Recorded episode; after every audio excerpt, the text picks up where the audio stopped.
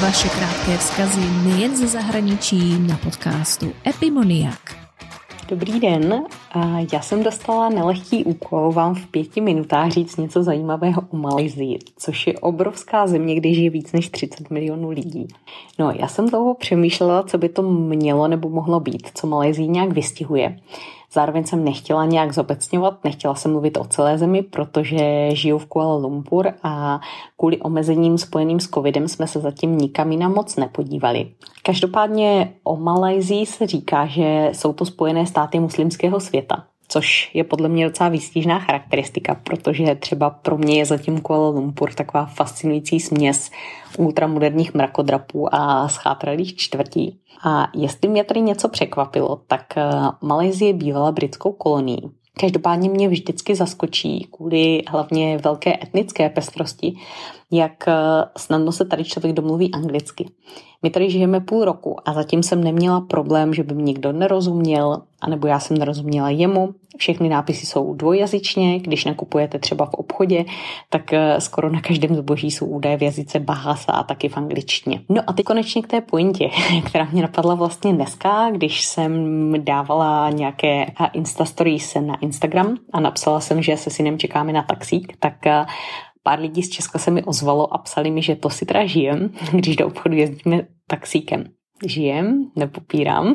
Každopádně tady taxíky fungují trošku jinak než v Česku. Tady v Kuala Lumpur funguje veřejná doprava, my tady máme příměstské vlaky, máme lehkou železnici, což je něco jako metro, máme monorail, která jezdí ve výšce mezi domy a máme taky autobusy, takové ty dvoupatrové double deckery, často, co znáte z Londýna. Každopádně není to jako v Česku, že eh, by ta veřejná doprava zajížděla do každé ulice. Na hodně zastávek musíte dojít, někdy je to blíž, někdy je to daleko, ale ono, i když je to třeba 500 metrů, tak ve 32 stupních a v 80% vlhkosti je to fakt daleko. Obzvlášť s kočárkem a když u toho potřebujete dvakrát přijít silnici, protože tady se nezastavuje. V chodníku je často tolik děr, že vůbec nemáte šanci prostě ten kočárek někam dotlačit. Právě proto tady skvěle fungují taxíky, respektive začaly fungovat zhruba před, myslím, osmi lety, když se tady v Malajzii zrodila služba Grab což je něco jako Uber.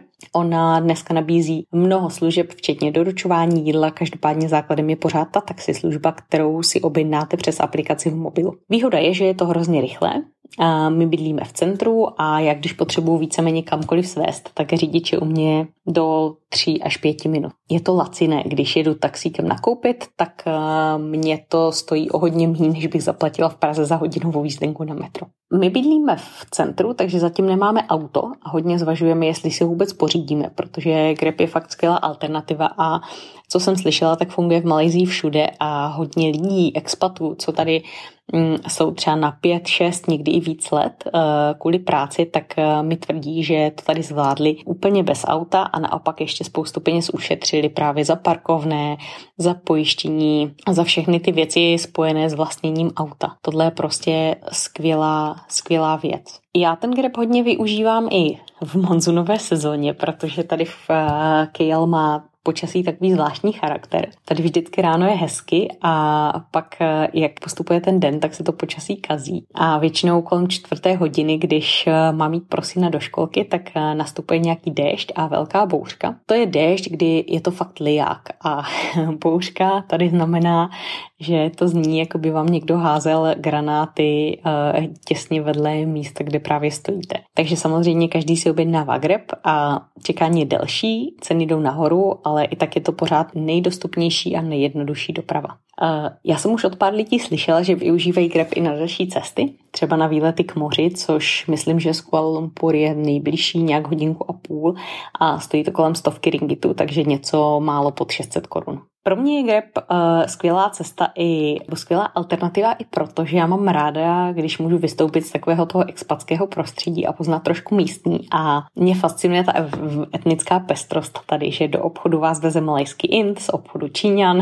Dneska odpoledne mě ze školky dopravoval Malajec, který žije ve Španělsku, ale v Malajzii ho uzavřel covid, takže teď se částečně věnuje svému biznisu v Evropě a částečně se stará o svoje rodiče tady v Malajzii, no a u toho řídí Grab. Já nepopírám, že jsem trošku zíčkaná, A teď si umím fakt jenom těžko představit, jak někde v Praze nebo v Brně vyrážím se čtyřletým dítětem a s miminkem, s kočárkem do ulic. Snažím se nás nadspat nějak všechny do tramvaje, cvaknout lístky, pak zase vystoupit, někam se přemístit, případně jak někam vyrážíme autem. Já jsem dlouho neřídila, tady taky neřídím, protože se jezdí vlevo, špatně se parkuje a já se v azijském provozu, kde se ta pravidla berou trošku, řekněme, laxní, prostě bojím.